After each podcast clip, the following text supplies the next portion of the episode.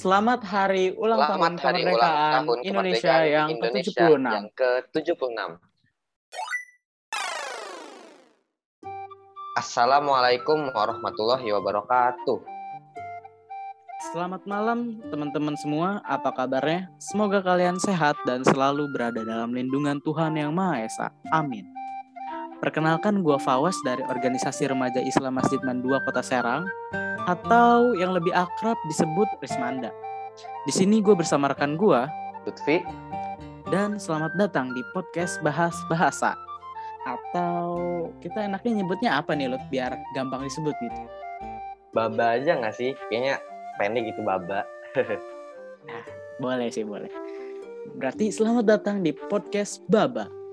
Oke, pada Baba episode 1 kali ini, kita bakal membahas tema yang sangat relevan dengan bulan Agustus. Ada yang tahu? Kalau teman-teman jawabnya kemerdekaan Indonesia, selamat. Ah, Kalian betul. Nah, ngomong-ngomong nih, apa was tentang Iya. kemerdekaan. Tema kemerdekaan Indonesia yang ke-76 ini adalah Indonesia tangguh, Indonesia tumbuh nih. Teman-teman tahu nggak artinya apa? Nah, jadi men- menurut Presiden Jokowi, Indonesia tangguh, Indonesia tumbuh itu hanya bisa dicapai jika seluruh anak bangsa saling bergandengan tangan untuk mencapai tujuan bersama.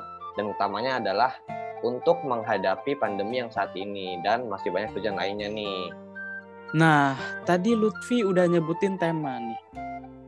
Terus ada kata-kata tangguh. Kalau menurut gue ini bener banget sih. Ini mencerminkan bangsa kita banget. Kenapa? Karena para pendahulu kita itu tangguh banget cuy. Lo bayangin deh, banget sih itu. dijajah Portugis, dijajah Inggris, dijajah Belanda, dijajah Jepang. Bahkan setelah merdeka pun masih ada agresi militer Masih ada Belanda. lagi ya. Waduh. Iya masih ada gitu loh.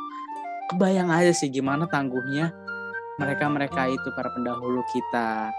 Nah, Nah, di sini kan kita mau bahas kemerdekaan Indonesia.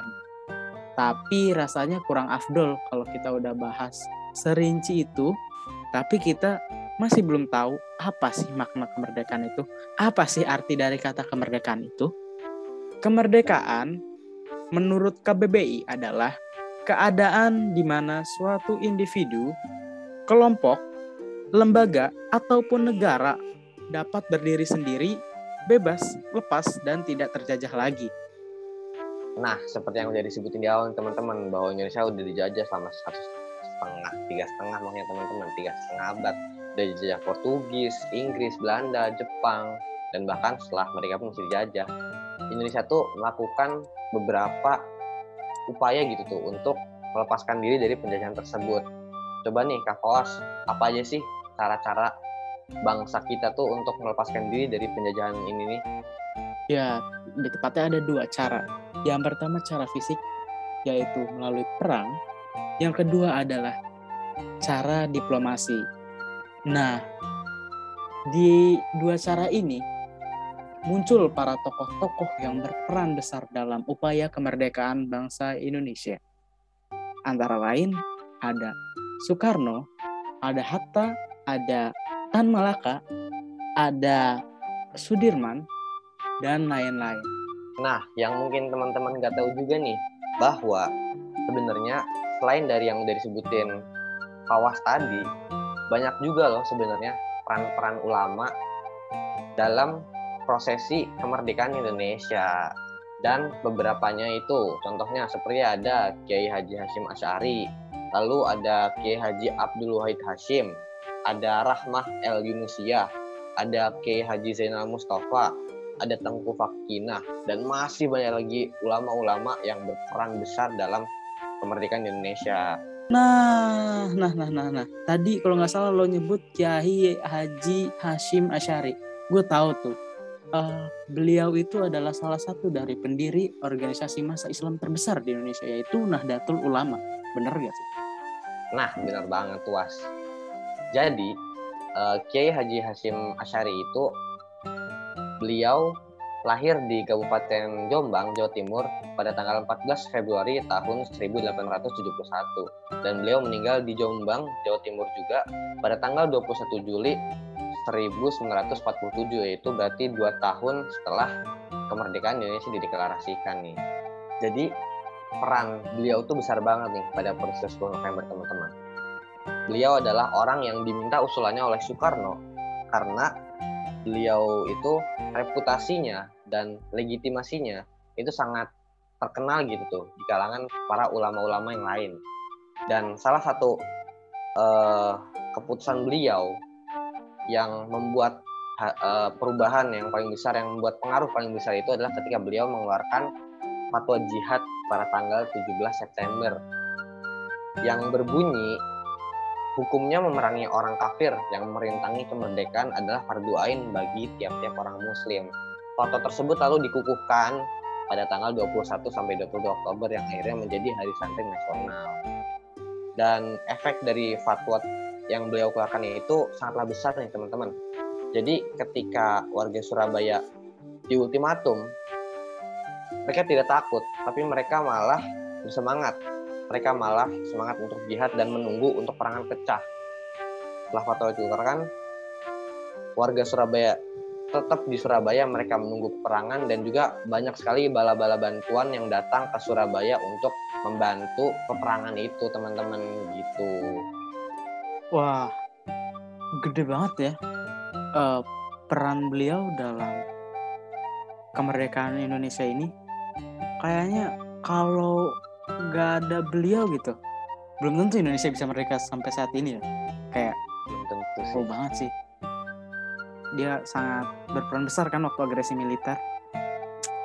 Banget. Uh, gua sebagai remaja sekarang kayak ngerasa beliau nih bisa jadi inspirasi dari mulai dari kegigihannya terus kebijakannya kenapa sih gue sebut bijak karena gini loh beliau itu uh, punya nama besar kan ya kayak gimana nggak besar sih beliau itu salah satu guru besar kayak gitu kan ya terus kayak ulama yang disegani oleh ulama-ulama lain kayak gitu nah biasanya kan orang ketika punya jabatan besar kadang itu suka agak melenceng gitu. Iya gak sih kayak sekarang aja banyak kan ya Lut ya.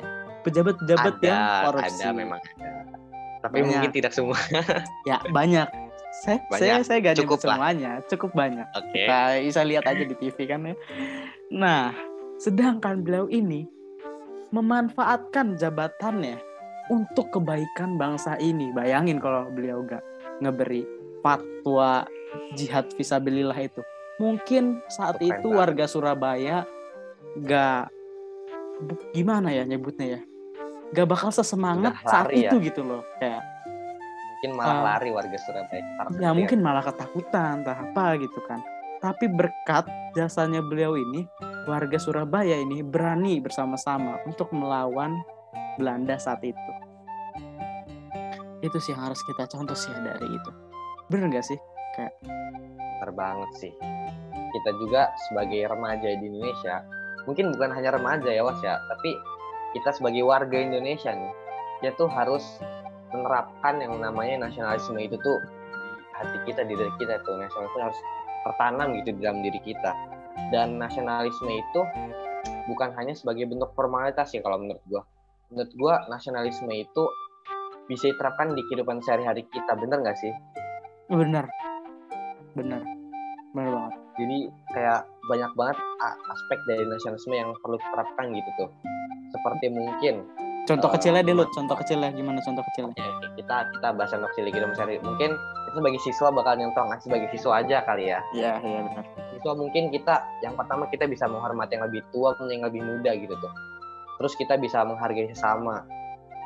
Terus kita sebagai siswa juga bisa bijak dalam menggunakan fasilitas sekolah, terus juga bisa menaati peraturan sebagai bentuk nasionalisme dan menurut gue sih banyak banget yang bisa diimplement, diimplementasikan gitu dari sebuah kata nasionalisme itu tuh artinya bisa sangat banyak sekali gitu dan yang paling penting adalah kita sebagai warga negara Indonesia itu harus menerapkan nilai-nilai Pancasila itu sih yang paling penting.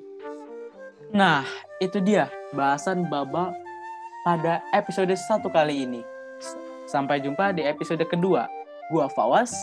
Gua Lutfi. Kami mohon maaf bila ada salah-salah kata. Dan sekali lagi kami ucapkan Tiga. Dirgahayu kemerdekaan, Dirgahayu kemerdekaan Republik, Indonesia, yang ke-76 yang ke-76. Semoga bangsa ini makin maju makin bersatu. dan perbedaan bukanlah halangan. Indonesia tangguh, Indonesia tumbuh. Merdeka. Merdeka. Assalamualaikum warahmatullahi wabarakatuh.